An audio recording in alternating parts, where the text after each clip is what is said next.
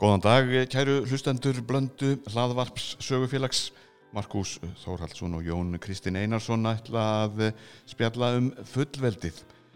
Þessi þáttur fer í, út í ljósvakan 1. desember 2020 þegar 102 ár eru liðin frá því að Ísland varð frjálst og fullvalda ríki.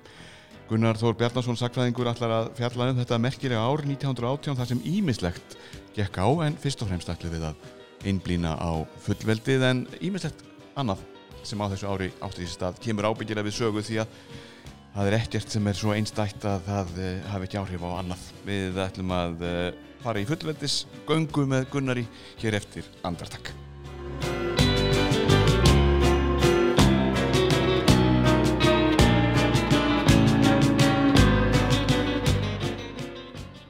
Gunnar Þór Bjarnason sakfræðingur og höfundur bókarinnar hinnir útvöldu sem kom út á vegum sögufélags árið 2018 hefur skrifað margar bækur sem að gerast á þessum tíma Íslands sögunar velkomin, Takk fyrir, gaman að sjá því sömulegis og til hamingi með dagina því að við eh, erum að fara í, út í þennan ágæta eter ljósvakanans Jónasar Hallgrímssonar 1. desember. Sem er því miður ekki frýtaðu lengur. Nei, hvaða ruggl er það? Það vitleis er það, já. Já, ég fikk alltaf frí í skóla eh, hérna í gamla daga á fyrsta desem síðan var það afnumið, það frí. Yngri kynsluður hljóta nú að kvarta undan því óréttlæti milli kynsluðana Ég veit ekki. En uh, þetta merkilega ár, 1918, það gekk nú ímislegt á, á í heiminum og á Íslandi. 1918. Ég var stiklað hans á stóru, öðru en fullveldinu. Já, þetta er sögulegt ár eitt af stóru árunum. Og hérna heima þá byrjaði það náttúrulega með þessum frosthörkum sem við köllum frostaviturinn það er náttúrulega allur sá vetur frá því í seint sko 1917 og, og, og fram í janúarlok eh, 1918 var mjög kaldur. Sérstaklega kom þarna kuldaskeið bara sem stóð bara mjög stutt sko En fær þó þetta þessa heiðus nafnbót? Já, og yfirleitt sko að því að fólk tengir og síðan kem, koma setna árinu hér sko eh, Kötlugós Já.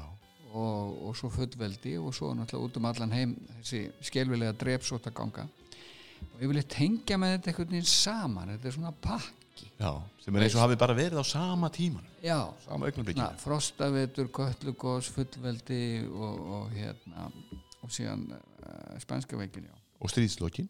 og svo náttúrulega stríðið. Það gleymist átt í þessari upptalningu. En ég var var við það eh, að því ég hef verið að skrifa nú er ég búin að skrifa þrjár bækur um þessi ár um stríðið og svo fullveldið og, og núna síðast kom út bók eftir mig um, um spænsku veikina. Að fólk eh, svona spyrður þetta saman og lítur einhvern veginn þannig á að til dæmis í spænsku veikinu þá hafi fólk bara leið og í, í brauna gatti 30 steg að hitta og, og, og, bara rétt uh, mátt teljast heppið eða lifði af Mm. út af kuldanum Já, já, og svo á, á sama tíma voru eldglæringar úti í já. en þetta var náttúrulega ekki svona Nei, þetta var ekki alveg svona heimsendalegt. Nei, því að hérna frostaveturinn er þarna í áspyrjun Aha. og svo þegar spænska veikin hinn eiginlega spænska veikið önnur bylginar berst til landsins um haustið að þá er bara rjóma blíða. Já, og það er eh, reyndar bara sko, mikil hefni og mikil lán að, að það var uh, svo gott veðufar þarna haustið því annars hefði getið farið miklu verð já, það þurfti ekki að taka fjö inn í hús uh, fyrir bara á aðvendunni já, var svona mikil blíða hann já, já, setni hluta ársins. já, og maður voru að finna bara í nóumberg og nýjútsprungnar sólegar út um allt og Já, bara eins og, eins og í alvöru landi. já, þetta bara breytti öllu og, og fólk var mjög meðvitað um þetta þá en, en svo setna þá einhvern veginn verður þetta allt einn pakki sko. já, eitt grautur svona. Já, og, og svo er- gerist það reyndar ef ég rifja bara upp eigin Íslandssögu nám í, í grunnskóla sérstaklega, þá var spænska veikin eða bara orðin svona neðanmáls. Já, hún hún hefur já, hún hefur, sko, þetta er náttúrulega eru mjög söguleg ár. Þú spurðir hvað hvað einkennir þetta ár. Þessi ár, 1918 og árun undan þetta er náttúrulega stríðsár.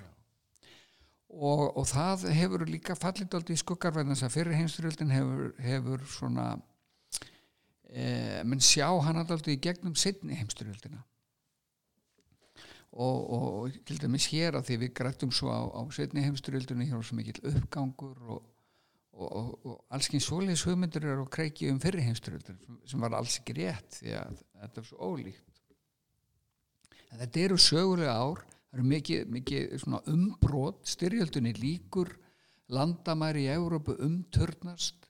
Heimurinn breytist. Heimurinn breytist öll landafræði í skólum sem krakkarnir lærðu þau, þau, hérna, þau breytast og, og, og svo er það þessi sérstokur atbyrð hérna heima. Þannig að það er mjög mikið að gerast. Út um allan heim og, og hér. Já. Og Ísland bara rétt eins og vanalega er ekkert svona fjarrri þessum heimsins vandamálum öllum. Nei, nei, nei, nei, nei. Ísland er partur af þessu öllu og, og hérna, það, það eru fleiri lönd en Ísland sem að halda upp á fyrsta DS og hérna það var Júkoslavíja formlega var það sjálfstætt fyrsta DS 1918 og svo fleiri lönd eins og Póland í Nóvumber og fleiri og fleiri Eistarsalslöndin og svo árið áður hafi verið bilding í Rúslandi bandarækjumenn er að koma uh, að krafti inn í heimsmálin senda hermenn til Európu og taka þátt í stríðinu þarna síðustu misserinn þannig að það er mjög mikið að gerast og Ísland hefði náttúrulega aldrei verið fullvalda 1918 hefðu þessir atbyrðir ekki verið að gerast út í heimi við fljótum svona með á þessari eh, bylgu og það hefur náttúrulega áhrif á, á Dani því að þetta mótar afstöðu Dana til Íslands Einmitt, en hvað nákvæmlega er það sem er á segði sem að hérna gemur þessu á stað hjá okkur, hvað hvort unum? Já, það sko, það er nú oft sagt að, að Danir hafi gefið eftir gagvart Íslandi að því að þeir voru að hugsa um Slíasvík og þeir hafi viljað hafa sterkari stöðu þar með því að vera góður við Íslendinga þá gæti þeir gert kröfur á Slíasvík dönskumennandi hluti Slíasvíkur myndi saman að Stamörk og aftur. En það voru líka aðri hlutir verðan þess að þeir Ísland var náttúrulega undir hæl breytaveldis í stríðinu og, og Danir horfðu náttúrulega bara á Íslandi einhvern veginn færa snær Breitland og, og hvað getum við gert þess að stöða þetta? Við viljum halda tengslinn við Ísland bæði með uh, menningu og, og efnahag viðskiptarlegum tengslum.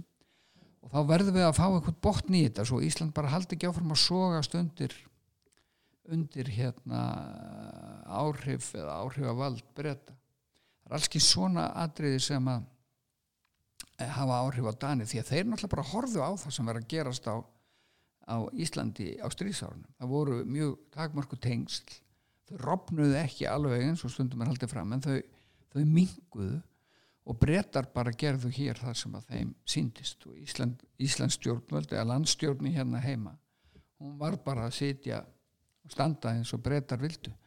Þeir sendur endar ekki herlið til að hernema landi eins og við gerðum síðar í setni heimstyrjöldinni þeir sendu einn mann og hann var eiginlega einsmanns hernámslið Erik Cable. Og allt þurfti að ganga það þurfti að láta hann vita af öllu það þurfti að senda hann minn sér skeiti til Danmark og þurfti að vera á ennsku sem hann getur rýtskoða þetta. Og menn voru nú ekki mjög kannski sleipir í ennsku þeim tíma. Þannig að, að hérna, Ísland varð sem sagt marganhátt fyrir miklum áhrifum að þessu stríði og fullveldið er eiginlega sprottið upp að þessum, þessum umrúti öllu. Þetta hafi verið hérna í eh, sjálfstæðisbarátt í gangi í mörg ár, gengið á ýmsu og við mögum ekki glema því að, að Ísland fekk heimastjórn 1904 sem er mjög stór áfangi mjög stór áfangi og mann kannski gleyma því oft og það er það sem hefur gæst kannski á húnum síðar árum er að einmitt heimastjórnin og, og fullveldið þar sé að þessi merkilegu tímamót mm. bæði hafa fallið í skuggan af síðari tíma atbyrðum, já, er allt frá líðveldistofnun. Já, og svo já, þá eh, sko, ég, þá kemur eitt upp sem ég var varfið þegar ég var að skrifa þessa bók og ég viðbröðum við eh, bókinni um, um fullveldið fyrir tveimur árum að því hún heitir hinn er útvöldu sagan af því þegar Ísland var sjálfstætt ríki. Og þá fekk ég oft uh, spurningu eða aðtöðsend býtu við okkur sjálfstætt ríki? Menna liðveldi kom ekki fyrir 1944 en 1. desember 1918 varð Ísland sjálfstætt ríki fullvalda ríki. En við vorum hins vegar áfram í svona smá samkrulli með dönum við vorum með danska kong Mhm. Ísland var konungsríki. Ísland var konungsríki. Og það er líka stundum miskilningur fyrst þú nefnir þetta það var konungsríki Ísland. Og uh, ég var að lesa bók um daginn og þá var verið að tala um það að Dana konungur hafði eh, gert eitthvað hér á millistísárunum en þá er hann ekki að gera það sem Dana konungur. Hann kom þá fram sem konungur Íslands og, þetta, og Kristján Tíundu var fyrsti og síðasti konungur Íslands eða þessa konungsríki sem er stopnað 1918 og þó þetta orðið aldrei fjarlægt okkur í nútímanum að Ísland hafi verið konungsríki ekki bara hluti af konungsríkin í Danmörku þá, og nú kannski erum við komin aðeins út fyrir dagskrá en það er alltaf að nefna þá kom hann til greina að velja Íslandi konung í stað þess að verða líðveldi Já, já e, sko, eftir á að hekja segja mér alltaf þegar lífveldið komið í höfn að það fara að reykja þessa eh, sjálfstæðisögu eins og eða sjálfstæðisbaráttu eins og hún hefur uh, verið sögð. Byrja menn alltaf á fjölnismönnum eða Baldvin eina sinni og svo kom þjóðfundur og svo kom stjórnaskrá og stöðulög og heimastjórn. Þetta er svona bara einhver mantra sem að allir læra á við, við kennum í, í framhaldsskóla. Og menn sjá þá eh, svona eftir á alla söguna í ljósi þess eins og, eins og útkoman sem varð endanlega 1944 hafi verið óhjákvæmileg. En þannig var það bara alls ekki. Og 1918 sjá menn alls ekki fyrir sér að eftir 25 ár þá verði Ísland líðeldi menn sjá fram á að Ísland taki yfir utarengismálin menn sömdu um það 1918 að Danir færu með utarengismálin umbóði Íslendinga. Og menn voru strax farnir að tala um það jú, jú, svo munum við þjálfa menn upp í utarengisstjónustunum að taka þetta yfir. En mánum byrjuðu ekki að tala um líðveldi bara eiginlega fyrir um 1940 og þá gerist það mjög hratt vegna þeirra aðstæðna sem koma þá upp. Þannig að það er til hætta að við horfum svona eftir á að hyggja yfir söguna og segjum þetta hlaut að fara svona. Þessi óhjákvæmileiki í sögun já, en ég meina hvað heitir þjóðhöngin á, á, í Ástralíu? Það er ekki einhver, einhver konar sem situr í London. Í óra fjarlægt Já, í óra fjarlæði Sama Ég á meina, við Kanada. Þetta er er fullkomlega sjálfstætt ríki og framins og fleiri land en, en hérna veist, þetta hefði getið farið á ýmsa, ýmsa, ýmsa vegu en fullveldi þú spurðir á hann að tala um eh, sko fullveldi, hvað fólst í fullveldinu? Það fólst í því að Ísland varð sjálfstætt ríki.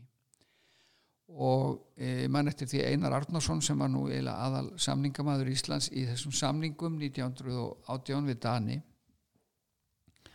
að þegar að umræður urðum alþingi það voru gaggrinnisrættir og menn sögðu við erum ekki, erum ekki alveg fullkomlega sjálfstæði það voru tveir þingmenn sem greitu atkvæði gegn vegna þess að Danir eru hérna með puttana og þeir hafa sama rétt og Íslendingar hér á landi. Og það koma bara hérna fullt af dönum og setja stað og Íslands þjóðirni bara druknar í einhverju danskri bylgju. E, þeir eru með utanengismálun og og svo framvegis og svo framvegis. Og þegar menn voru að reykja þessa agnúa sem menn fannst vera á e, fullveldinu þá svaraði einar og saði annarkvort er maður lifandi eða döður annarkvort er ríki fullvalda eða ekki fullvalda og núna, 1. desember varð Ísland eða verður í umræðanum á undan sagðan eh, verður Ísland fullvalda ríki sem að var alveg hár rétt hjá hann hins vegar held ég að almenningur fólk á þessum tíma eh, hafi ekki verið eh, svona, mjög upptekið af hugtækinu fullveldi núna er fullveldi dálítið mikið í deglunni í sambandi við eh, alþjóða samstarf sambandi við Evrópumál og svona en mann leggja kannski dálítið aðra merkingu í það núna. Fyrir maður tala um framsal og fullveldi það er eitt af því sem er nefna í sambandi við stjórnarskrána og breytingar á henni eða nýju stjórnarskrána að það þurfa að vera ákvæði í henni um, um framsal á, í ákveðnum ákveðnum sviðum til alþjóðastofnana og ekki bara, bara Evrópusambansins ég held að fólk 1918 hafi ekki verið að velta þessu svo mikið fyrir sér það var bara að fá viðkenningu á því að Ísland væri sjálfstætt það, og svo svo skrítið og kannski bæta því við í lokinni í þessum pælingum að eh, svona í kringum 1910 svona um það leiti sem menn er að rífast um uppkastið sætla minningar, við skulum ekki fara út í það þenn Nei, við eigum bara, eigum þig inni fyrir annan þátt Já. um. En þá vorum við alltaf að tala um sko að Ísland verði sjálfstætt land. Svo fannst mannum, svo liðu árin og þá fannst mannum það ekki nóg rótækt og sögðu nei við þurfum að heimta fullveldi. Svo náðust fullveldið og þá sögðu uh, menn smátt og smátt og alltaf meira og meira með árunum já fullveldi þannig við erum ennþá svona í samkvöld með dönum og svona við þurfum að fá svona algjört sjálfstæði þannig að fyrst var það sjálfstæði svo var það ekki nógu gott, svo kom fullveldi þá náðu það ekki alveg utanum þetta. Þá þurftum enn sjálfstæði. Og svo kom líðveldið og það var þá endanlega eh, takmark. Svo er annað, það er alltaf talað um sko hitt og þetta í líðveldis sögunni já, þannig að það væri kannski réttar að tala um fullveldis söguna já, mér finnst það stundum. Það er til dæmis eitt fyrst þú nefnir þetta sem að, ég var nú að reyna óta og nefni í bókinni og, og um fullveldið og hefur verið að reyna að óta svona stjórnmálafræðingum sem ég þekki að það er svona uh, talað um, um hérna þjóðstjórn sem var hérna sko hérna 1939 þegar aðstæður voru mjög erfiðar. Og það er alltaf talað um það að það hefur bara einu sinni verið þjóðstjórn á Íslandi. En það er að mínum að ekki rétt vegna þess að, að ríkistjórnin sem tekur við völdum e, í áspyrju 1917 sem er fyrsta ríkistjórn fram að því hefði bara verið sko einsmanns ríkistjórn, sko ráðherra. Hannes Hafstein var bara ráðherra og engin annar ráðherra. Og sama gildi um Sigurð Eggerts og, og, og hérna, þá sem að tóku við að Hannesi. Það er þjóðstjórn. Það er bara, þú getur talið á fingrum annar handar þingmennina sem var á móti og hún er sett á fót í raun og veru af alveg sambarilegum rökum eða ástæðum og þessi fræga uh, þjóðstjórn uh, 20 árum síðar af því að voru mjög erfiðir tímar. Það komið fram á árið 1917 eh, styrjöldinni fann að býta það verða að byrja á vöruskorti síðan byrjar kábáta hernaður þjóðveri þarna skammi síðar. Vorið eða þarna á útmánuðu 1917 þá liðu margar vikur og þá kom ekki einasta skip til Íslands. En þetta eru mjög erfið tímar það verða að skamta vörur og þá erum við með þessa stjórn sem er, er bara þjóðstjórn. En hún hefur einhvern veginn aldrei náð inn í meðvitund eða vitund fólks. Meðal annars held ég út af því eins og þú nefnir að við erum svo upptekinn af, af líðveldi sögunni.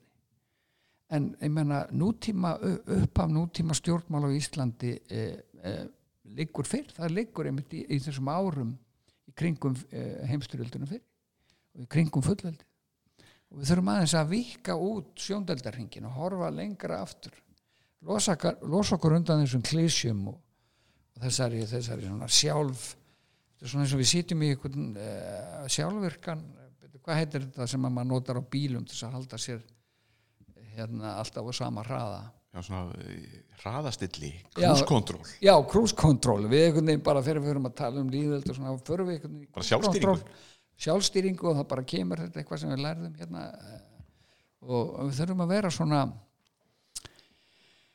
já, opnari fyrir því að sjá þetta í nýju ljósi og, og kanna þetta því tímarnir breytast og, og við þórum til söguna breytast En eh, einmitt, eins og nefndir áðan, það verðist vera sem að almenningur hafi ekkert verið mjög upptekinn að þessu.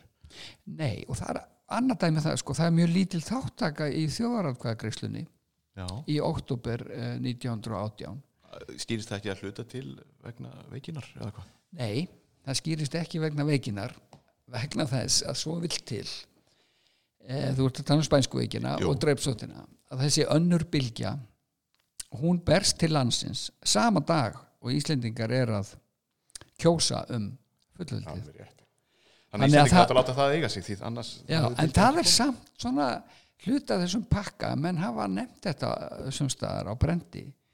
Jú, jú, það, það var svo erfitt að hálfþjóðinlega veiki spænsku veikinu og gæti ekki farið að kjósa og það er bara bull. Það var engin veikur og eða hérna þennan dag sem kosi var. Allavega ekki þannig að það ætti að hamla stórum fjölda að, taka þátt. Já það var bara engin veikur ekki nema þessi eina stelpa sem að kom með botnju kvöldi sko og, og, og smitaði svo en fólk voru ekki veikjast fyrir mörgum dögu eða er raun og veru ekki fyrir vikum síðar þannig að það er og þú ætlar ekki að segja okkur betur frá því öllu saman á eftir því að þetta er auðvitað sluta þessu ári og hefur áhrif á kannski hvernig við lítum á það og, það sem á eftir gerðist. En, en það var lítil þáttaka í þjóðaratkvæðagreislunni segiru manstu hver hún var? já, hún var um 43% Já, stjórnmálum með samtímas myndu þá segja hún væri ógild.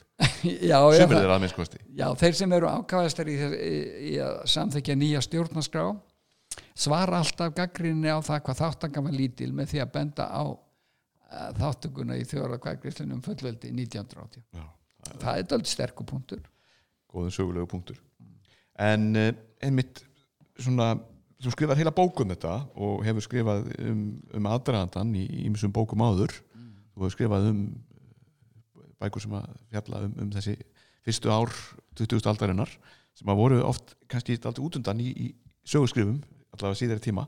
En uh, sko, svona, svo stjerpum aðeins á því Gunnar Þór Bjarnason sagfræðingur af hverju einmitt þarna? Og þú nefndir einmitt að það væri fjöldin allur annar, annar ríkja sem að væri haldið upp á þessi tímamót hjá sér um svipa leiti ársins. Svo við fyrir maður dýpið það. Af hverju?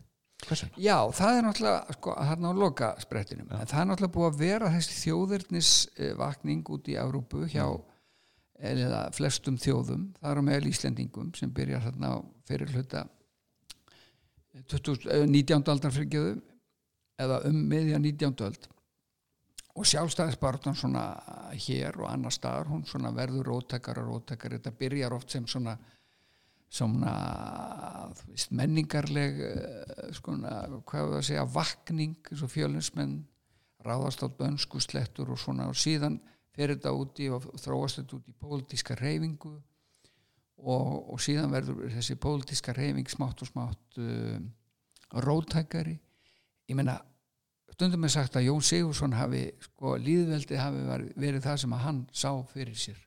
Og þegar við stopnum líðveldi þá vorum við að raungera draum Jón Sigurssonar það er alveg fráleitt. Hann sá ekki fyrir sér að Ísland, eh, Íslendingar stopnuðu líðveldi bara alls ekki en það eru aðstæður á þeim tíma sem hann lifir um meðan 19. öld allt aðrar. Og hann er ekkert af þeirri stjórnmálar reyfingu sem aðhyldist Nei, en síðan bara, þú veist, lítur hún sínum eigin lögmálum, verður róttækari og róttækari og uh, fullveldi eh, kemur ekki til söguna sem baráttumál Íslendinga fyrir en uh, á 2000-öld og gerist í kringum þessa frægu baráttu um uppkastið 1908 sem var svona fyrsta tilraunin til að binda endi á sjálfstæðisbaráttuna og uh, mistóst af því áhugin var ekki nægur meðal stjórnmálamanna Já, kannski hefði bara saga Íslands á 20. öld orðið allt önnur ef menn hefði bara haft vit á því að samþykja uppkast það er efni í annan þátt Gunnar, segi ég ennu aftur. Já, en sem sagt þessi fullveldis umræða þarna 1918, hún leiði svolítið í dvala í nokkur ár, svo fer þetta af stað þarna um mitt ár 1918 er það ekki? Og þá gerist þetta rosalega hratt. Þetta gerist mjög hratt og kemur mörgum mjög óvænt því að í raun og veru menn höfðu verið að reyna að höggva á hútin þarna eh, 1913 og 14 og, og við getum ekki farið út í það það er flókin saga en það gekk ekki og þá eiginlega bara í stríðinu svona eftir, svona eftir eh, frá og með 1915 að þá bara leggja mann þetta á hilluna. Leggja mann áherslu að koma í, í kring eh, koma í gegn þessari stjórnarskrábreytingu sem kom síðan í júni 1915 og færði konum kostningarétt eins og ennú kannski þekktast við þær breytingar. En síðan bara snýrum menn sér á öðru. Það var ekkit verið að tala um fullveldi og, og, og sjálfstæðisbarðum var ekkit að daskra þarna 1916 og, og 17 líka bara því að aðstæður voru þannig þetta var mjög erfið mikið bast fjárhagslega er það ekki?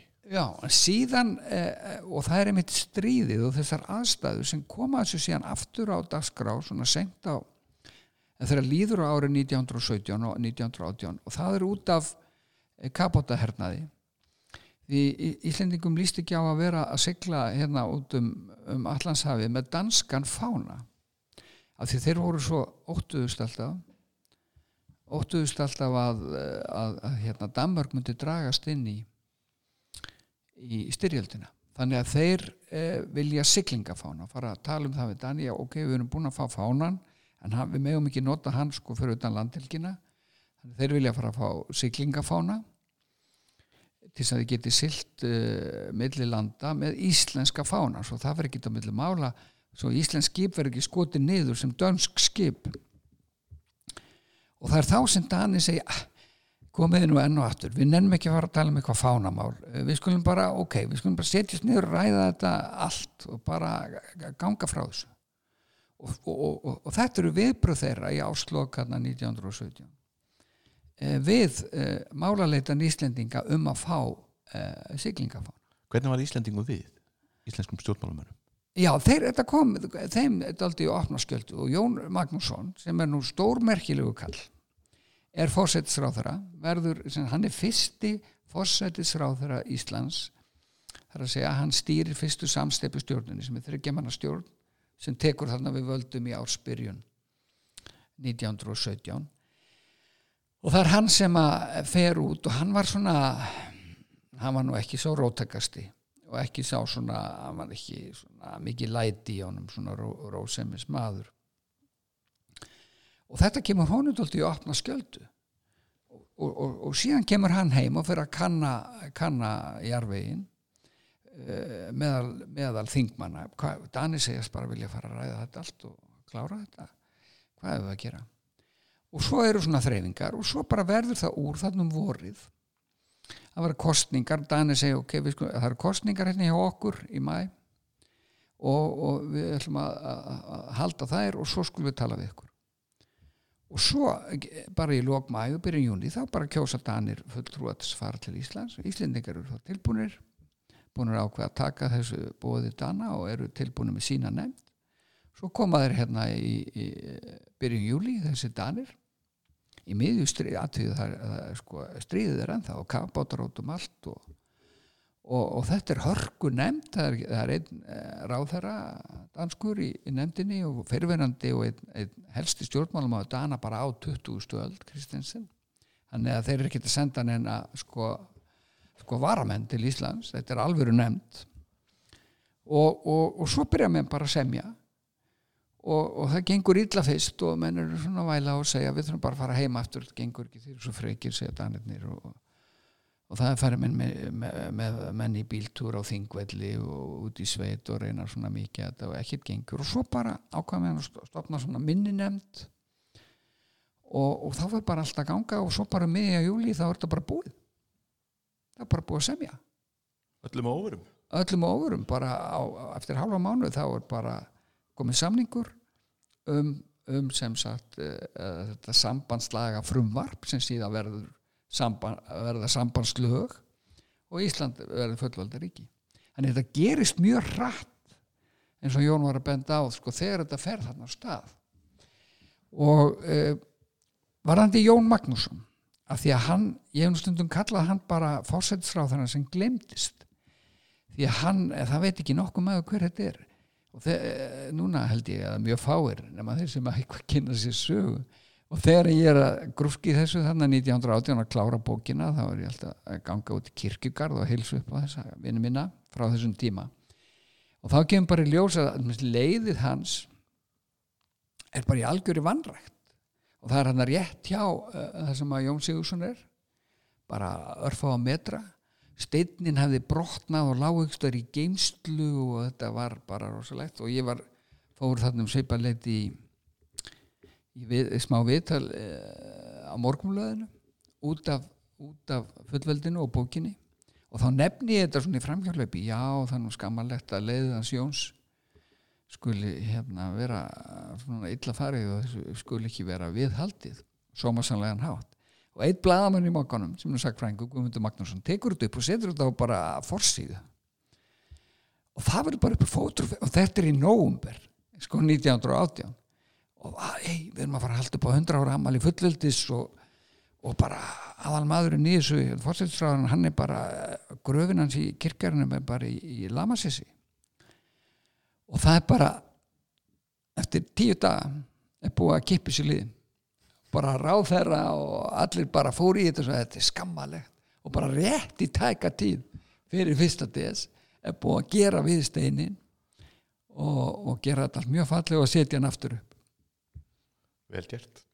En um, það er einmitt þetta með personur og leikendur. Uh, persónsaga er Íslandingum og flestum þeim sem eru svona að lesa sögu sér til ánægju oft aldrei sterk og, og hluti af því sem kannski gleður fólk við að lesa söguna er það að geta sett hana svona í eitthvað persónlegt samhengi hverjir voru að semja fyrir hönd Íslands? Mástu þetta? Mástu nöfnin? Já, já, sko, þetta er fjara manna nefnd og þeir sem eru sko aðal hérna eh, mennirnir eru Einar Arnússon og Bjarni frá Vogi og þeir eru svona uh, það mæðir mest á þeim og ég held og niðurstaða mín eftir að hafa farið þarna í gegnum gegnum þessi skjöl og, fundargerðir sem, nú, sem ég fann út í, í Kaupmannahöfn ítalega að þá er það eh, svona Einar Arnórsson sem er svona höfuð heilin á bakvið þetta af Íslendingahalvu Bjarni frá Vogi er líka mjög framalega svo eru tveir aðrir, Jóhannes Jóhannesson bæ, bæ, bæjarfókiti og Þorstin Jónsson sem að nú var nú kosin fyrir framsvöndamenn og hann var ungur og óreindur og kom ekki mikið við sög og veiktist líka. Eh, ég ætla ekki að gera lítið úr honum samt en þeir eru fjórir en, en svona frontmennirnir aðalmennirnir eru Einar Arnórsson og Bjarni Jónsson frá Vogi sem er mjög litrikur og skemmtilega persóna. Já, og, og hinga voru sendir uh, ja, sterk sendinemd já. Þetta voru hingir aukvísar, sagður á þann nei, en uh, síndist þér sem að þeir eru alltaf að skoða þetta sem Danir var eiginlega bara hálf fegnir að, að ljúka þessu. Þessi að þessu eilífa töði í Íslandingum þú, orðaði þetta þannig áðan svolítið. Aðja, byrjiði einu sinni en uh, voru Danir bara búin að fá nóga þessu eða hvernig, hvernig var staðan, af hverju ákveðu Danir þetta?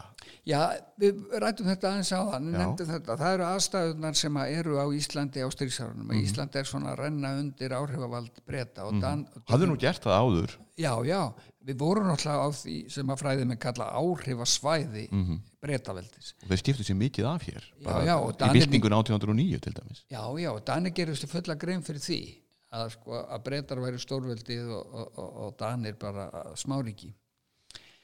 E, og svo e, gerist það. Spurningin var aftur fyrir nú með stíðanstráðin og af hverju voru Danir klárir í þetta þarna Já, en, ekki, já, en en- ekki áður? Já, út, að því að aðstæði voru að breytast. Það voru allstaðar að, að koma upp kröfur um, um sjálfstæði hjá smæri ríkjum í Evrópu. þetta var tíska Já, og, og Danir sáð uh, og höfðu í raun og veru engan áhuga á Íslandi.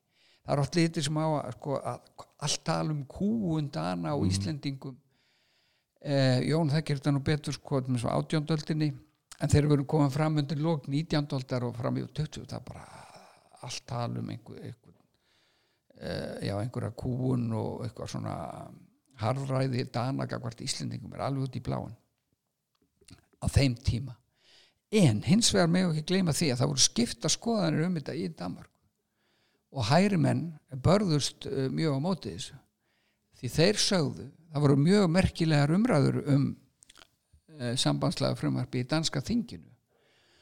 Og, og hérna sem að íslenski sakfræðingar hafa einhvern veginn bara aldrei nefnt að lesa held ég en, en þeir sögðu hægri mennir sem að neituðu eiga sko, fulltrúa í, í, í, sko, í upphafi sko, neituðu eiga fulltrúa í nefndinni. Þeir sögðu, með þessu er, er bara, erum við bara að segja bless við Íslendinga við erum að láta það sigla sin sjó. Þeir geta endur skoða þetta eftir 20 ári eða rúmlega það og þá bara fara þeir. Og við erum að brjóta upp ríkisheldina og við getum ekki fallist á það þannig að það voru skiptaskoðanir í Danmarku en þetta var bara aldrei neitt stórt mál í, í Danmarku og það er mjög aðteglisvert að bera saman að þeir seldu sko nýlega þarna, eigjar í vesturindjum bara þarna tveim árum fyrr. Þeir voru með þjóðaralkvæðgreislu um það. Ekki um þetta? Þetta engum í huga að setja sambandslöðin við Íslendinga í þjóðaralkvæðgreislu er það ekki alveg rannsóknar efn út af fyrir sig? Jú, mér finnst það. Og yfir höfuð finnst mér og nú ætlum ég að koma að hérna uh, atriði sem ég hef aldrei mikið hugsað um. Það eru tengslinn við Danmarku við erum náttúrulega undir danski stjórn í nokkrar aldir eða margar aldir. Og, og dönsk áhrif eru hérna mjög mikil sko á svo mörgum sviðum. Stjórnsýslu og, og, og menningu. Evrósk menning kemur til okkar í gegnum eh, Danmörku. Nú er að nálgast jól og það er svo mikið af sko svona jólahefðum sem eru nú reyndar eiga oft upptöksin í Þískalandi og renna svo til Íslands í gegnum Danmörku og koma til Íslands með dönum. Hér bjó slatti að dönum sem hafðu hérna mikil áhrif og, og það er mjög fráglegt og ég hvet hlustendur til að lesa til það sem Íris Ellenberger hefur skrifað um, um, um Dani hér á Íslandi í byrjun 2000 aldar mjög merkileg stúdía. En við hefum í setni tíð af því að aðstæður í heiminu við erum orðin svo uh, hvað við segja, engilsaksneski í okkar uh, viðhorfum. Amerísk? Ameri, já ekki bara amerísk heldur svona við sjáum þetta alltaf gegnum svona enskuna og, og dálítið breska sögu líka. Að, að hérna að við höfum einhvern veginn skrifað Danmörku dálítið út úr Íslandsögunni sem er mjög slæmt e, það segja mér kennarar í, í, í sakfræðið í háskólanum að, að nefnendur þar vilji bara helst ekki lesa dönsku sá sem ætlar að stúdera Íslandsögu frá 18. öld, 19. öld og fram, fram til þess að Ísland verður sjálfstætt ríki hann verður að lesa dönsku annars eh, verður Íslandsagan algjörlega óskiljanleg. Og því miður höfum við svona mist þennan danska fókus. Nú var ég að gefa út bókum spænskuveikina og þar er ég mjög meðvitaður um þetta og er að reyna að draga Danmörkudóldi inn í þetta því að öll heilbriðismæl á Íslandi á þessum tíma eru með dönsku ífavi allir læknar sem eitthvað kveður að allir helstu læknar Íslands hafa lært í Danmörku allar hjúgrunarkonur sem hér eru á landinu árið 1918 hafa lært í Danmörku. Mjög margar ljósmaður sem eru íslenska ljósmaður á þessum árum hafa lært í Danmörku eða farið á námski þar. Og, og, og þetta verður við bara að vita. Og þess vegna er ég kynnti ég mér mjög mikið rannsóknir eða bækur sem hafa skrifaður í spænsku veikina í, Danmörku bara til þess að bregða ljósi á það sem er að gerast hér þannig að, að þeir sem að ég vil ekki fæla fólk frá því að læra sagfræði það er svo skemmtilegist í heimi það er að læra sagfræði en, en það því, er ekki að komast fram hjá því að, að geta lesið dönsku. En það er danska indislegt tungumál. Við vitum að Lilja D. Alfreðsdóttir mentamálur á þeirra er að hlusta og við ætlum þá að hvetja hana til þess að efla dönsku tjenslu á Íslandi og byrja að snemma. Og uh, hvetjum ég vel börn samtímans til þess að gera það sama og við Gunnar sennilega, eh, Jón Kristinn sennilega síður að lesa Andris Önd á dönsku. En uh, meira af fullveldinu uh, mér langar til að velta einu fyrir mér og einu upp. Hvort það hafi verið fullkomlega raunhæft fyrir Ísland að verða fullkomlega laust undan dönum? Og þá á ég við fyrst og fremst vegna þess að það er dýrt að reka ríki. Gáttu við þetta? Þetta er góð spurning, mjög góð spurning e, Í bókinni kalla ég Ísland fyrirbura. Vegna þess að í raun og veru verður Ísland e, sjálfstætt ríki áður en þeir ráða kannski fullkomlega við það. Hér vantar svo margt. E, þetta kemur til dæmis í ljósi umræðum um hæstarétt. Sko sangvann sambandslögunum 1918 þá gáttu Íslendinga stofna hæstarétt og þeir bara drífi því og Danirni voru ekkit vissir á því að, að, vissir um það að Íslendinga myndu gera það. Retta þessu bara. En, en þeir bara um leiður búin að skrifa undir og bleki þarna það bara strákar, við þurfum að fara þetta voru náttúrulega bara strákar, strákar við þurfum að fara, fara og, og stopna hæstarétt. En þá kemur í ljós að það er bara fjöldi stjórnmálamanna og annar hérna heima sem að hefur ekkit mikið áhuga því að telur það bara óráð. Vegna þess að okkur skorti hæft fólk vegna þess að þetta sé svo lítið samfélag að þetta verði bara svona klíkudómar og það sé miklu uh, uh, með, séu miklu meiri líkur til þess að við fáum sangjarnar í dóma ef, við, ef að málum verða útkljáð endanlega þau sem þarf að útkljá fyrir hæstarétti að þau verður þá útkljáð fyrir hæstarétti í Danmörku. Og þetta var ekki eins fjarlægt og okkur finnst í dag því það voru ekki svo mörg svona árin og undan voru ekki svo óbúslega mörg mál sem fóru til Danmörku því að hér var lands yfirréttur og flest mál voru bara útkljáð þar eða voru bara ekki útkljáð í, í hér að því þannig að það voru ekki eins og allir sammálum að við ættum að stopna hæstarétt. Þess vegna segi ég fyrirburi.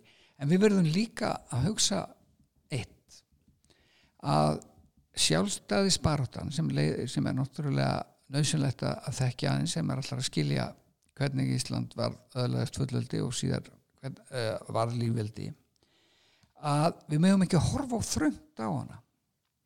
Sko ekki og, og, og stundum þegar ég var að segja fólki ég var að uh, hérna að, að rannsaka sjálfstæðisparutuna þá sagði fólk, ó, þetta er ekki alveg rosalega leiðir, ég manna eitt sakfræðingur ég er anþá sár, mörgum árum setna sagði eftir að ég skrifaði bókina um uppkastið ég dái svo að þér að nenna að skrifa bókum svona leiðilegt efni en mér fannst þetta skemmtilegast í heimi og finnst enn. En þetta var ekki bara spurningu um stjórnmála þrætur við meðum ekki, sko það er svo margt. Ég orðaði þetta einhvern veginn þannig í bókinni að sjálfstæðisbartan þarna í aðdraganda fullveldsins hún, hún, hún er svo fljót sem fellur í tveimur farfugum annars vegar er þessi þessi, þessi samningslota við Dani og deilur við Dani um, um, um stjórnafarslega atriði um sambandslög og svo framins eins vegar er menningarleg vakning aldamóta árin eh, uppgangur í, í, í efnagarslífi það er að verða tæknibilding og, og, og, þýttir, og við hefum ekkert getað sami við Dani það hefði ekki týtt að semja við Dani 1918 um einhvers konar fullveldi eða nýð sambandslög hefði þessi vakning ekki átt sér stað og hefði þessi mikli hávöxtur og þessi uppgangur í efnaðarslífunu ekki átt sér stað árin og áratögin og undan. Þannig að við verum að horfa á þetta í starra samhengi. Og núna held ég að, að því að það hefur orðið við höfum verið alltaf upptökjum við að endur skoða svona sjálfstæðisbartuna sem er nöysilegt e, en menn, en menn missa þetta til dæmis þess að e, menningarlegu vakningu ungmennafélögin og svona sem að mörgum finnst kannski hallarisleitt í dag en, en þú, þú verður að, að kynna þetta að skilja tíðarandan og hvernig þetta gæti gerst. Þessi strákar, þessi kallar sem voru að semja um sambandslögin við Danmarku, þetta eru gamlega svona ungmennafélagar. Strákar sem höfðu uh, hérna hrifist með um aldamáttin 1900 að þessari vakningu sem var hér og líka í Nóri og viðar sko. Meðum ekki gleima því. Og í sambandi við þessa endurskoðun mér hefur stundum fundist sko hérna svo saga sem ég læri í skóla um sjálfstæðisbaratuna hún er, hún er svo, svo stöðluð og Íslendingar voru að gera rétt og sjálfstæði var einn eina endanlega hérna og lógiska niðurstaða af þessu öllu. Og síðan fyrir við að endurskoða þetta benda á að margir að þessum sjálfstæðisettum hafa verið mjög íhjaldsamir og, og, og það er alveg rétt. En stundum fyrir þetta allar leið. Þá erum við í raun og veru bara búin að taka eh, skildingin eða myndina og snúni við. Og staðin fyrir að Íslendinga séu svo frábærir þarna um 1900 þá eru þeir orðinir eitthvað svo ömurleir eh, til dæmis í sambandi og menn hafa náttúrulega reikið augun í það eins og við þess að frægu nýlendusýningu 1905 var ekki 1905 þar sem var haldið, Danir, var haldið nýlendu síning í Kaupmannahöfn og þá var að sína svona muni og, og, og kynna nýlendur Danar Íslendinga og Grænlendinga og, og blökkumenn frá Vesturindi og þetta þótti Íslendingum, Íslendingum og íslenskum stúdendum út í Kaupmannahöfn algjörlega út í hött. Eru það að setja okkur á sama stall og Grænlendinga og negra úti í, í, í, í hérna Ameríku og það var mikið fjara fók uh, um þetta og, og menn hafa skrifað um þetta greinar. Og, og svo þegar við fyrir að kynna okkur uh, svona nánar hugmyndir þessar manna þá náttúrulega út frá sjónamiði uh, nútíma þá náttúrulega allt vaðandi rasisma og, og svona uh, kvítri yfirburða hyggju og svona. Ég held í fram sko að um 1900 þá voru ef við tökum hvernig við skilgrunum rasism í dag þá voru allir Ísland, Íslendingar rasistar. Því að það var bara samgróið fólki að, að hérna að, að hvíti kynstofnin væri einhvern veginn hefði, væri bara komin lengra á þróunabrautinni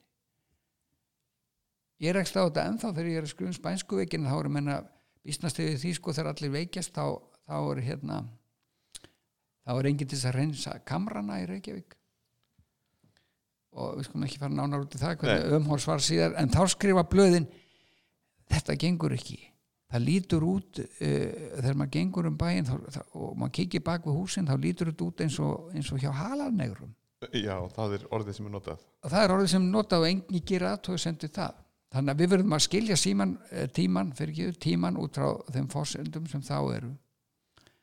Og ég held að í sambandi við sjálfstæðisbartuna og þessar endurskoðun að þá séum við hérna kannski ekki alveg búin að finna rétta jafnvægið.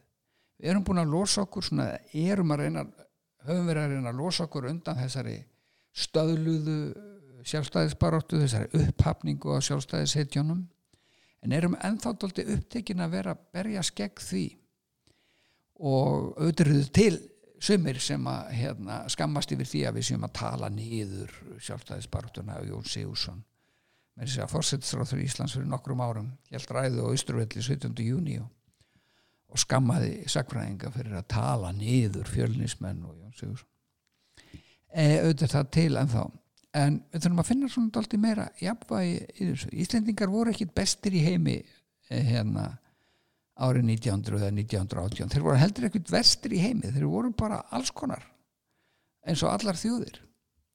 Og varðandi það að Íslendingar hafi í sömu á 19. öld þessar sjálfstæðis hetur verið íhalssamir og þeir voru það. En það þýr ekki það að allir danir hafi verið eitthvað rosalega frjálslindir það voru hérna sót svartir íhalsmenn líka sem sátu, sátu á danska þinginu.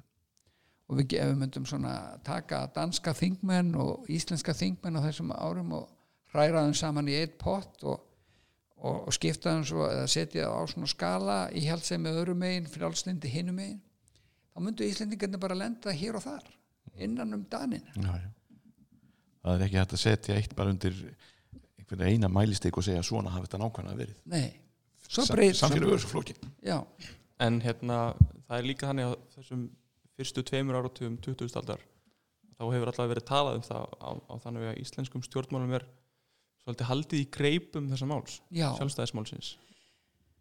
Og ég held að það, það er alveg rétt að því menn svona missa sig eða festa sig í, í umræðum um svona það sem að okkur uh, þykir í dag vera svona kannski ekki mjög þýðinga mikið ladriði fyrir var á eftir fara og þegar maður fer að hérna að reyna að tala um þetta fólk þá bara loka allir eiranum um ríkisrás ákvæðið og svona þetta, þetta forms þetta formsatrið sko hvort að hérna eh, hvar eh, íslenski ráþæra myndi bera upp málin sko hvort að danski ráþæra mættu vera viðstættir og svona okkur finnst þetta bara endalust strifrildi um eitthvað sem engum móli skipti.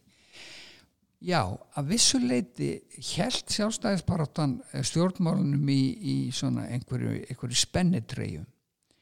Og ég held að eftir á að higgja að það hefur verið vond ég held að það hefur verið betra ég held að stjórnmálunum í Íslandi hefur þróast eh, á jákvæðri hátt á heilavanleiri hátt ef að flokka myndunin eh, hefði fyrr tekið mið af innanlandsmálum. Flokka, flokkarnir sem um það leiti sem fullveldi næst þá er náttúrulega umturnast flokkakerfið. Og það verða til þessi svokulluðu stjættaflokkar en þeir höfðu reyndar alltíðflokkurinn og framsvonflokkurinn úr stofnaði 1916 hefði auðvitað, auðvitað segja og kannski getur einhver fræði maður komið og sagt það var ekki raunhægt þetta gerðist fyrr. Já ég er ekki vissum að svo sé.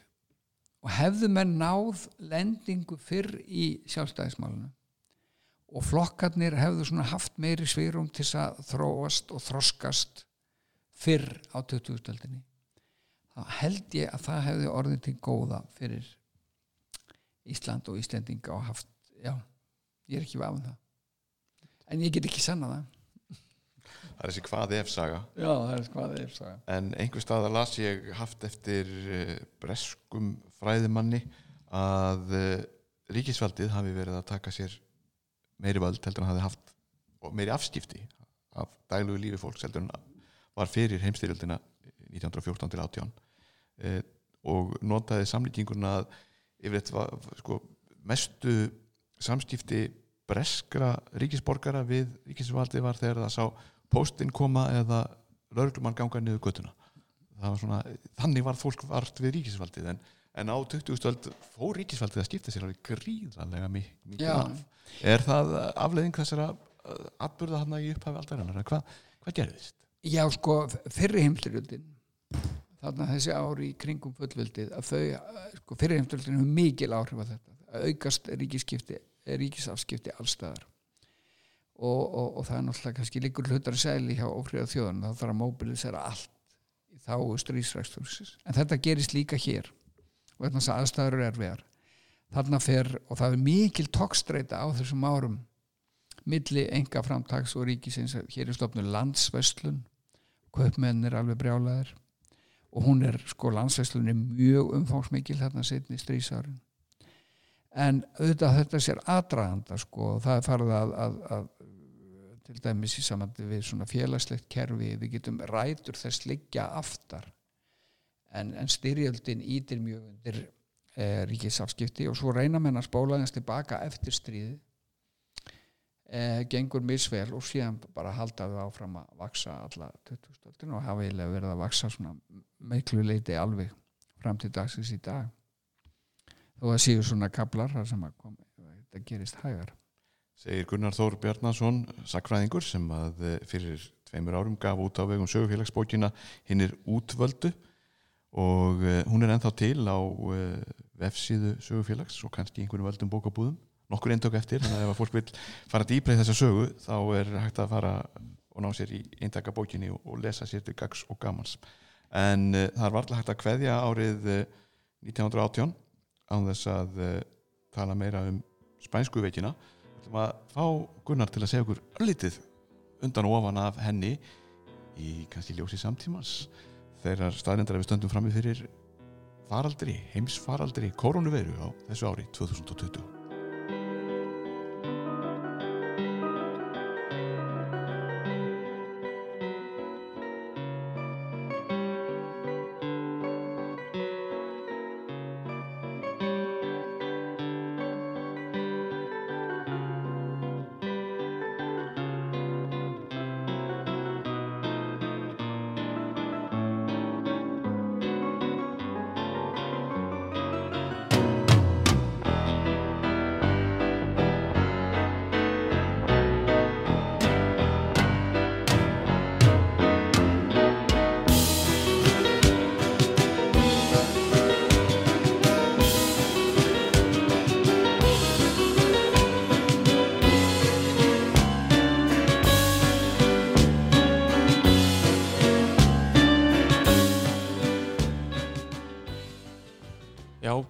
Varst að gefa út bók um uh, spænsku veikina fyrir nokkrum, nokkrum vikum um, og já, það er þannig að þegar við erum nýbúin að uh, skrifa undir þetta fullveldi okkar þá verðum við fyrir miklu áfalli, ekki satt?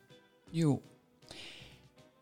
Spænska veikin er náttúrulega hrikalegt áfall og ekki bara í Íslandi heldur á heimsvísu ég segi nú uh, í bókinni laumaði á kápu skæðasta drepsótt sögunar uh, það er hægt að færa rauk fyrir því að svarti döði hefur sennilega drepi fleiri en hann hafði til þess mjög langan tíma margar aldir. En spænska veikin er sem sagt uh, influensu faraldur sem kemur, gengur yfir heimsbyðina í, í nokkrum bylgjum eins og svona faraldrar gera gjarnan og við þekkjum núna orðið mjög vel og hinn raunverulega spænska veiki er hins vegar oftast uh, að litið á það sem hinn raunverulegu spænsku veiki það er önnur bylgjan, haustbylgjan 1918 og, og þetta er svo miklu meira heldur en margur gerir sig grein fyrir og þetta er svo miklu verra heldur en það sem við erum að kljást við núna að það allur samanbörðu verður uh, daldið skakkur. E, það er talið að ekki færri en 50 miljónir manna í heiminum hafi látist og langflestir milli að alls ekki 80-90% á nokkrum vikum frá því í september 1918 og fram í desember og Það hvað taldi heimsbyðin? 2 miljardar þá? tæp, svona 18, eh, 1800 miljónir svona tæpa 2 miljónir þannig því sjáu hvað þetta er reykald það er talað um að um 500 miljónir eh, manna hafi veikst þar sé hátt í þriðji hver jarðarbúi veikist og mannfalli sumstar eins og indlanska var, veist, það er bara reikalegt menn hafa ekki hugmyndur um það og menn er að reyna að reikna þetta út og setjast niður í mörg ára að reikna og það skeikjar miljónum á niðurstöðinu hjá færustu mönnum talna glöggum. En þetta er sko eru hérna raunverulegu hörmungar e, ásins 1918 hér heima á Íslandi það er Spænska vikin og ég hef ótt verið að reyna sko vinna gegn því að menn hætti, að, hætti þessum að spyrja það saman sko frostavetur og köllugós og Spænska vikin þetta er, menna, það dó enginn í frostaveturinn smá kuldi í tvær vikur. Köllugósi var reyndar e, stórt en ég minna það dó enginn það dó af þessu búfjö kýr og, og, og söðfjö og hestar Blessu sér minning þeirra? já já og ég blessi sér minning þeirra og, og bæilöðust í eigðu þetta var, þetta var áfall en ég menna spænska veikin drepur hátt í 600 Íslendinga Af hvað, 50-60 þúsund? Nei, Íslendinga voru þarna um þetta leiti svona 90 Já, það komið þangað, já. já, 92.000 og hefði geta farið miklu verð en, en menn tóku við sér sko sumstaðar á landinu og þegar að fregnir fór að berast af, af, af miklu mannfalli í Reykjavík og nágrannar byggðum að þá urðu menn uh, skelving og losnir Östurlandi og Norðurlandi og viðar uh, Vesturlandi og, og bara lokuðu. Og það tóst ekki alltaf allstaðar að- verja þessa landsluta en sumstaðar og, og, hérna, og þess vegna hefðum geta farið eh, mun verð með Íslendinga. Og þetta e, gerist e, hún eh, berst hingað eins og ég sagði á þann sama dag og verðum að halda þjóðar hvað greiðsluna um sambandslögin og fyrsti inflúnsisúklingurinn í Reykjavík deyr fyrsta nóvumber og síðan er þetta í raun og bara nóvumber sem lang flesti deg og hann er náttúrulega hérna í Reykjavík og þjættbílistöðunum í kringum okkur. Akranilsi og Keflavík, Vestmannegjum líka reyndar og Suðurlandi, Eirabakka Stokkseri, reykalegur og uh, og síðan uh, rennur upp sunnudagurinn 1. desember. Og þá erum menna að fara að stopna fullvalda ríki. Og eftir þennan mánu þannig að það sem tvinnast saman uh, er uh, spænska veikin og fullveldi að og allur svona bragur yfir fullveldisteginum 1918 verður allt annar en hefði orðið í, í venjulegar aðstæður. Og svo líka fléttast aðeins saman spænska veikin og köllugósi að þýleiti til að að kalla gís þegar að spænsk er, er gjósandi þegar að spænska veikin kemur til landsins. Og koma sumu leiti kannski í veg fyrir útbreysluna? já, hún kannski auðveldaði mönnum að- að að verja skaftafellsíslur má færa rauk fyrir því já. En, en hún er sem sagt samt hætt að gjósa þegar að menn byrja að hrinja niður. Þannig að þetta er ekki, ekki alveg samófið er og þetta er er, er, er mikil og mögnu saga sem ég er að segja í þessari bók. Skelfilegu sjúkdómur? skelvilegu sjúkdómur og menn náttúrulega vissu ekki í raun og veru hvað þetta er. Menn hefði ekki, ef enginn hafi séð veirur á þeim tíma, menn voru ekki búin að þróa þróa uh, nú að upplúar smásjár á þeim tíma til þess að, vita hvað þetta var og, og, og, og læknarnir voru gátt ekkit gert. Gáðu hóstasaft svona svo fólk liði betur og, og fólk að breyði aspirín og eitthvað. En það sem að gætt hjálpa fólki er að að fá góða umunun og svona en ég minna sömstaðar veikist sko, eins og hér að slæknirinn upp, upp á Akranesi. Sama er undar í Keflavík. Það eru um þúsund mann sem búa á Akranesi tæplega. Og það eru sex heimilið sem sleppa við veikina. Veist, nú erum við að tala um einhverja nokkur hundru sem veikjast af þessum koronavírus. Það er bara allur bærin liggur og hluti að þeim bara mjög alvarlega veikur og tugir deyja. Þannig að þetta er veru alveg ó, ólýsanlega aðstæður og ég er að reyna að lýsa þessu hvernig menn bröðu svo við segja sögu einstaklinga. Eh, hún lagðist mjög illa á sko, fullorðið fólk á besta aldri. Það þýtti það að, að það voru mjög mikið mörg börn sem mistu fóreldri annarkvæmt föður eða móður. Sumjapel bæði föður og móður eh, ég kennst að því að, að fjöldið er að sé svona um 500 ég get ekki rannsakað eða sem sagt, það nákvæmlega sé ekki svona 260-70 í Reykjavík. Og svo er ég bara að segja þess að sögu hvað verður um þessi börn og, og hvernig bregðast með við, hvernig reyna menn að, hjúkra sjúklingum og svo framvegis. Og, og það er nú heilbríðiskerfi á Íslandi er náttúrulega ekki sko mjög hátt skrif eða það myndi ekki fá háa engu frá hjá okkur í dag. Það er engin landspítala á Íslandi 1918 það er ekki þjóðar sjúkurhús það eru tveir spítala sem bæði höfur verið reistir og reknir af útlendingum. Við bara letum þá um þetta. Það er sem sagt landakotspítali það sem voru reklusistur erlendar mest þískar og síðan uh, franski spítalin á Lindarkutunni og allir læknarnir sem voru hér þeir uh, voru, eða svona fremstur læknar landsins voru allir danskmentaður landlæknir sem var endar mjög umdeldur því að hann einhvern veginn tekur þann ból í hæðina og hann sjóna mér ráða fram hann að, að veikin verði bara að fá að að hafa sem gang af því að hún hafði verið hér um fyrsta bylgjan um, um sömarið saðan hún er í landinu og því er ekkert að stoppa þetta. Bara að það var öllum hleyft í land og ekkert gert og þess vegna bara hrundi fólk niður og hann var náttúrulega gaggrindur alveg svakalega hart og þess krafist að hann segði af sér og svo framvís og svo framvís en þessir læknar sem hér eru þeir eru allir, ég var áðan að tala um að við verðum að skrifa Danmörku út úr Íslandsugunni mm -hmm. og og, var, og, og þegar maður sekku sér hún í rannsóknir og heimildum um spænsku vengin þá sér maður hvað þessi danski vingil, hvað þessi dansku áhrif eru mikilvæg. Allir læknarnir hafa lært þar hér var læknaskóli fram til 1911 þá gekk eh, læknaskólin eða varðan teild í háskólunum en þeir sem kláruðu úr lækningssvæði háskólum urða að fara til Danmarkur og vera þar, vinna þar hálft til eitt ár áður en þeir gáttu talist fullgildi læknar. Hjúkunokonurnar íslensku eh, voru hafðu lært í, í Danmarku þær fá sem þá voru til. Og hér voru líka danskar hjúkunokonur þannig að það kannski ágætt að loka hringnum þannig að því vorum að tala um fullveldi og dani að, að, að heilbreyðismálin á Íslandi árið 1918 eru með mjög sterku dönsku ífavi og til þess að skilja viðbröð Íslandinga og, og margt í heilbreyðisögu Íslandinga á þeim árum þá megu ekki missa Danmörku uh, að missa sagt, sjónar af, af Danmörku. Þetta eru góð loka orð megum ekki missa sjónar á Danmörku segi Gunnar Þór Bjarnarsson, sakfræðingur höfundur Ímissa bóka sem að fjallaði um sögu Íslands á öndverðri 20. öldinni eh, hinn er útvöldu kom út árið 2018 og hann saði okkur frá Spænsku veikinni bók sem að kom út núna fyrir rétt fyrir jólinn 2020 eh, Jón Kristinn hefur við ekki að binda slöfu hér í dag Jú, er það ekki?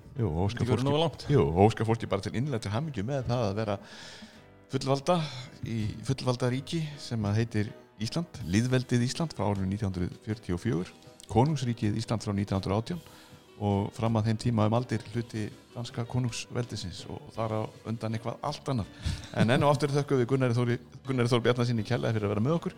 Jón Kristinn, alltaf gaman að vera með þér. Sumulegis. og uh, við kveðjum í billi við spennt eftir næsta þætti á blöndu fróðleik, gamlum og nýjum hlaðvarpi sögufélags við þökkum samfélgina á þessum fallega degi og haldið áfram að fylgjast með okkur. Verðið sæl.